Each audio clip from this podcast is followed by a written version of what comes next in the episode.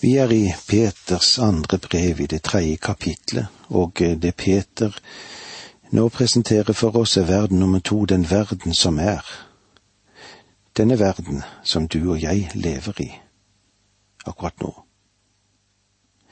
I vers syv i det tredje kapittelet i annen Peters brev leser vi slik.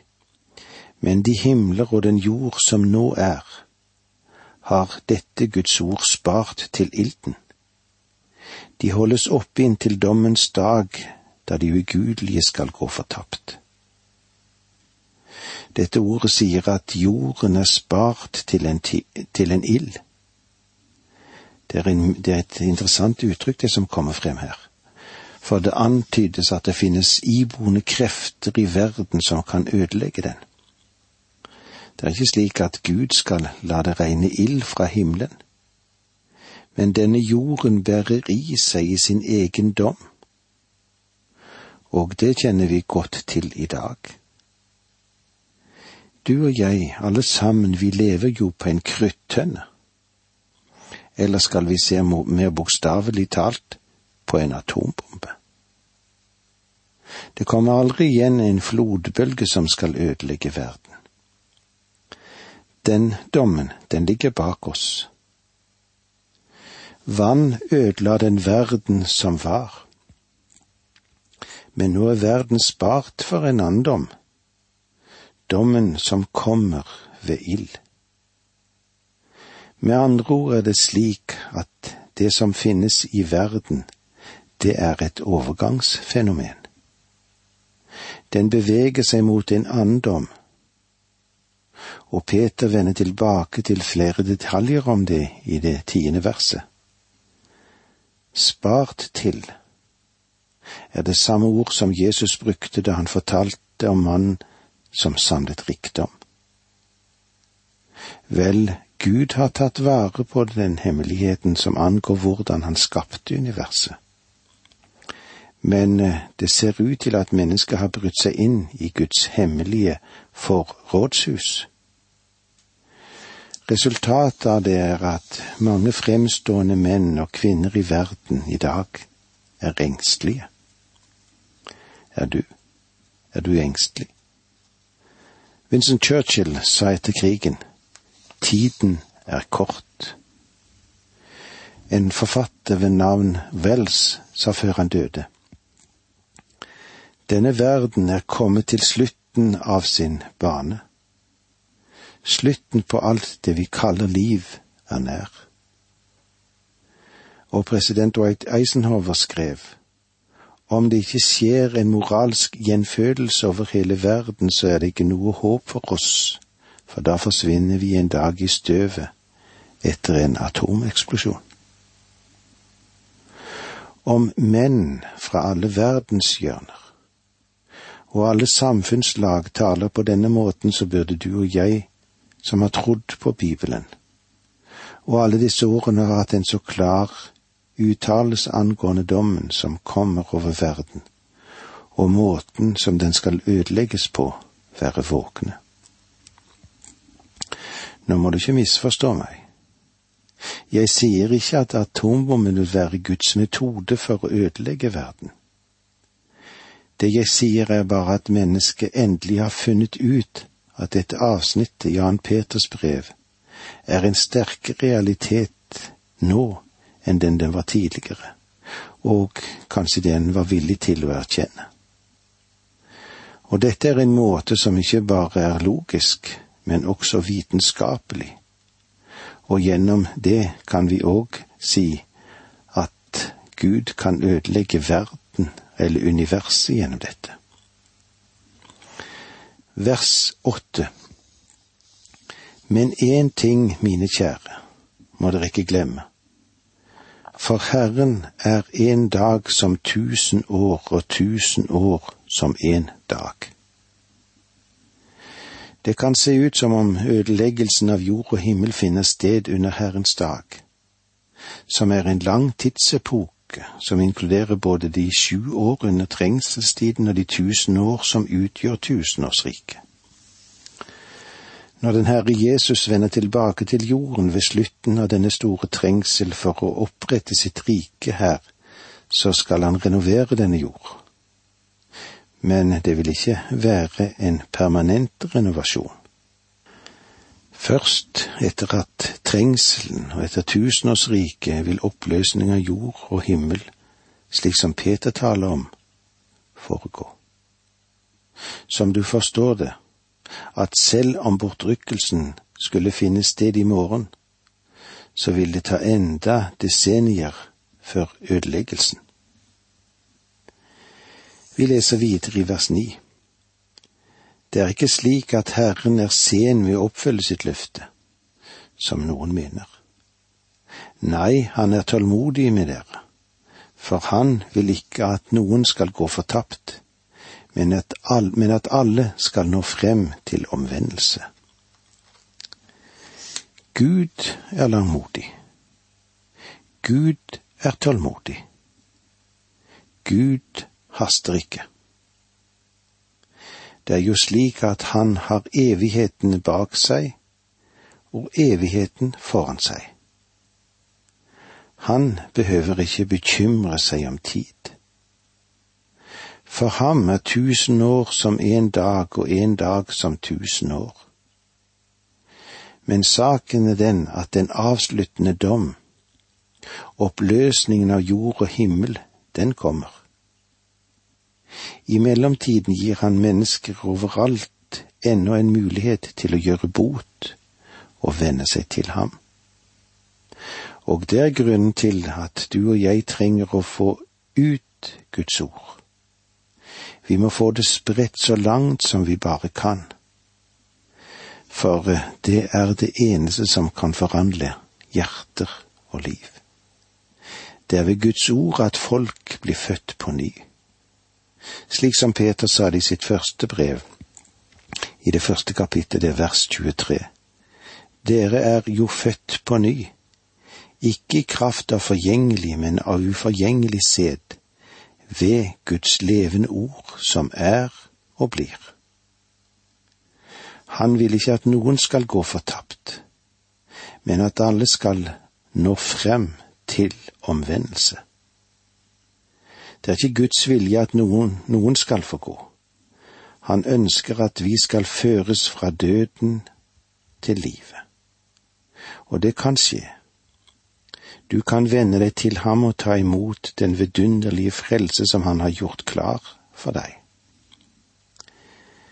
Vet du at du ikke kan holde Gud borte fra å elske deg? Du kan vrake hans kjærlighet men du kan ikke hindre at hans hjerte fremdeles blør for deg. Du kan heller ikke hindre at det regner, men du kan slå opp en paraply over hodet ditt for å holde regnet borte fra hodet ditt.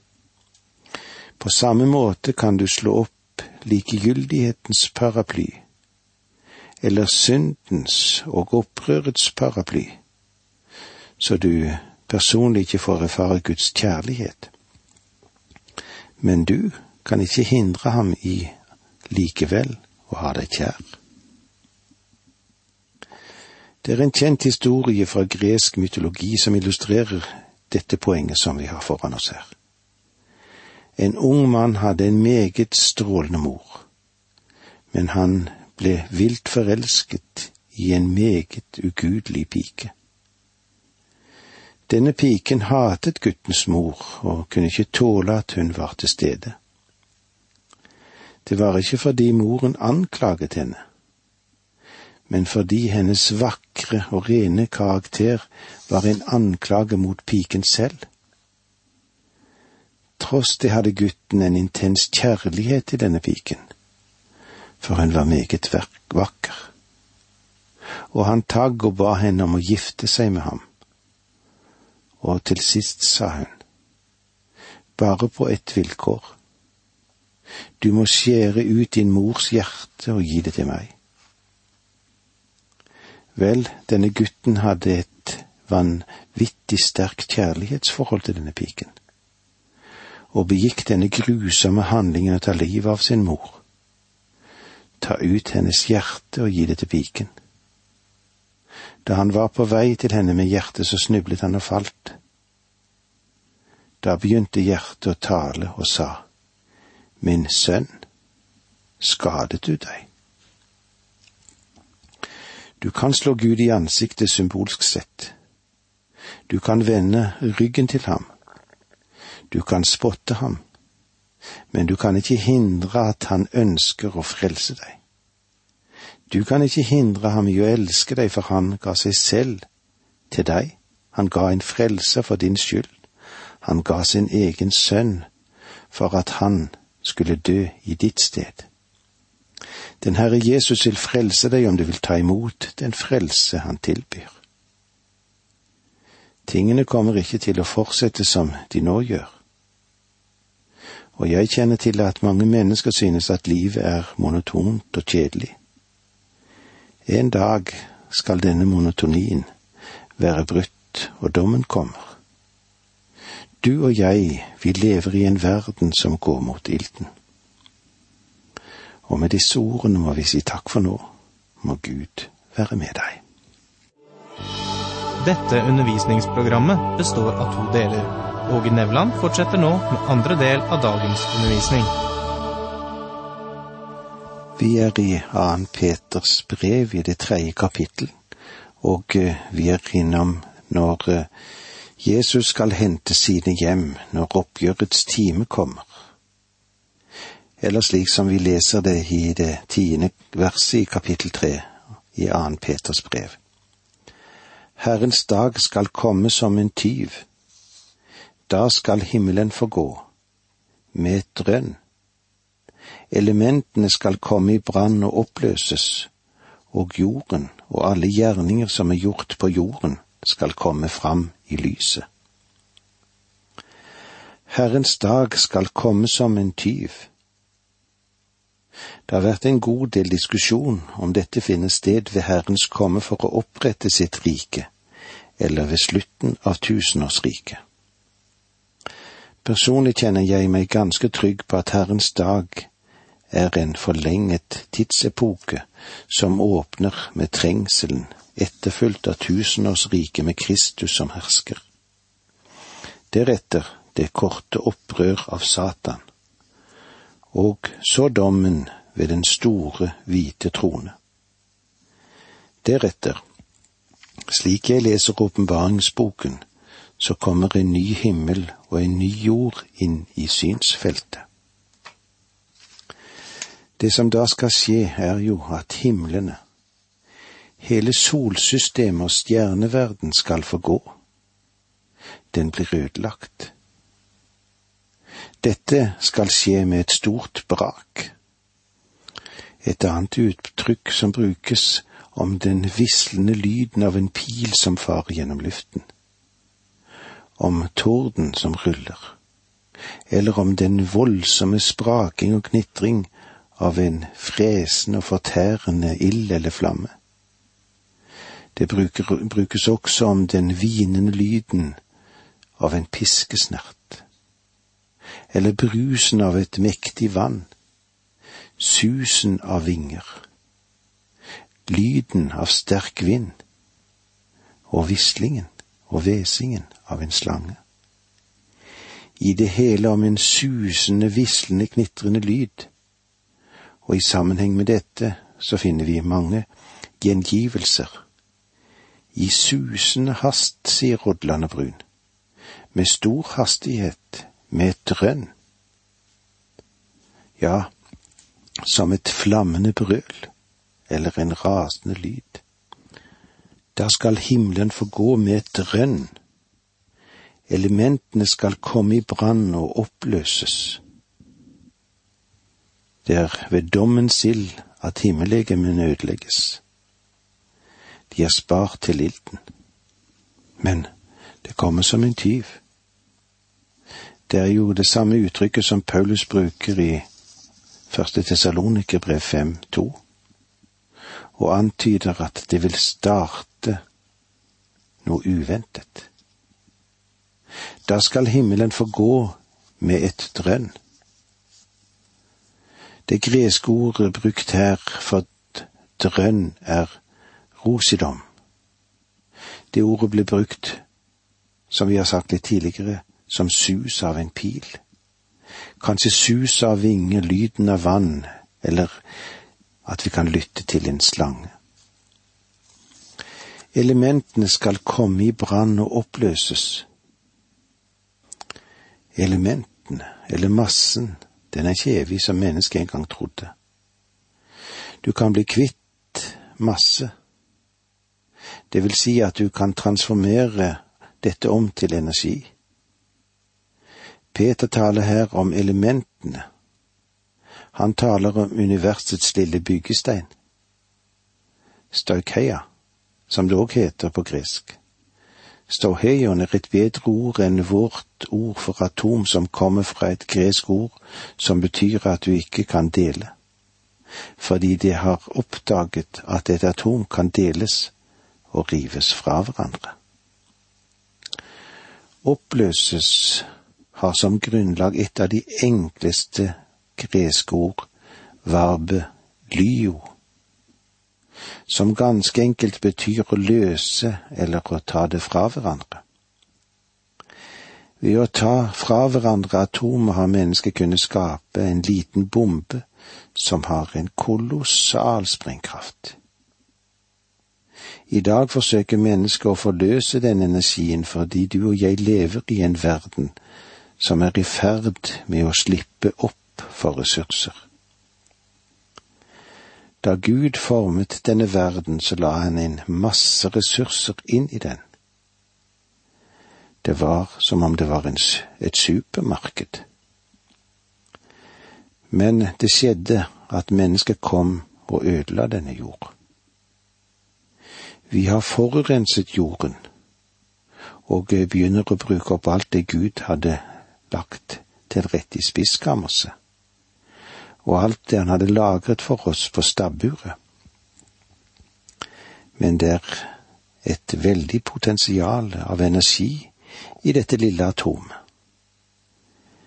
Det er eh, vi alle sammen klar over, går jeg ut fra. Når Gud ødelegger denne jorden en dag, da blir det en kolossal affære. Det er i alle fall mulig å tenke seg at det blir et gigantisk foretagende. En gigantisk atomeksplosjon. Og jorden blir til intet. Og jorden og alle gjerninger som er gjort på jorden skal komme fram i lyset. I den gamle oversettelsen heter det at jorden og tingene på den skal oppbrennes. Det er i pakt med det som vi finner òg av ordbruken som Paulus har i første Korinterbrev 3, 12-15. Om nå noen bygger på grunnvollen med gull, sølv, edelsteiner, eller med tre, høy eller halm, så skal det en gang vise seg hva slags arbeid hver enkelt har gjort. Dommens dag skal gjøre det klart, for den åpenbarer seg med ild, og ilden skal prøve hvordan den enkeltes verk er. Om det noen har bygd blir stående, skal han få sin lønn. Dersom hans verk brenner opp, må han lide tapet. Selv skal han bli frelst, men da som gjennom ild. Dette inkluderer også de veldige Vannmassen som finnes på jorden, de skal òg brenne opp. Vi vet i dag at vann utgjøres av to elementer, hydrogen og oksygen. Og begge er gasser og kan bli meget eksplosiv. Brannmenn kan fortelle oss at visse typer ild er slik at de, om vi sprøyter vann på det, så hjelper det bare ilden i å spre seg enda mer. De som bekjemper ilden må bruke visse typer kjemikalier for å slukke slike branner. Jorden skal brenne. Peter sier at Gud også vil være den som dømmer i fremtiden på samme måte som han gjorde i fortiden. I begynnelsen av dette kapitlet sier Peter at spotterne vil si, Alt er som det har vært fra skapelsen av og spotternes store mistak er at de ikke vet hva fortiden sier. Historien kan gi visdom om vi vil lese den. Herrens dag vil inkludere dom også. Uttrykket Herrens dag er en kjent term i Bibelen. Profetene, de brukte den. Og den Herre Jesus brukte den og flere av de nytestamentlige forfatterne, de brukte også den. Det er en teknisk term. Herrens dag begynner i mørket. Som profeten i Det gamle testamentet sa, den begynner med trengsel. Den ender med den store eksplosjon, den store dom over jorden, ved at den løses opp ved ild. Mellom disse to store hendelsene er det en periode på sju år i trengsel. Kristi komme til jorden for å opprette sitt rike, tusenårsriket. En kort periode når Satan og de som gjør opprør sammen med ham, blir løst. Satan bindes endelig, og den store hvite trone reises, og der de fortapte får sin dom. Også etter dommen over jorden som Peter beskrev, så vil en ny himmel og en ny jord stige frem i horisonten. I vers elleve leser vi slik:" Når, når alt skal gå i oppløsning, hvor hellig og gudfryktig bør dere da ikke leve? Nå sier Peter på bakgrunn av hva som har hendt, og Gud kommer til å gjøre det han vil i fremtiden. Det er òg slik at du og jeg ikke bør stå på sidelinjen. Vi bør ikke stå på sidelinjen og tomle fingrer og hengi oss til ensidig kritiske merknader. Det er så enkelt å kritisere, men når alt skal gå i oppløsning, hvor hellige og gudfryktige bør dere da ikke leve? Og med disse ordene må vi si takk for nå, må Gud være med deg.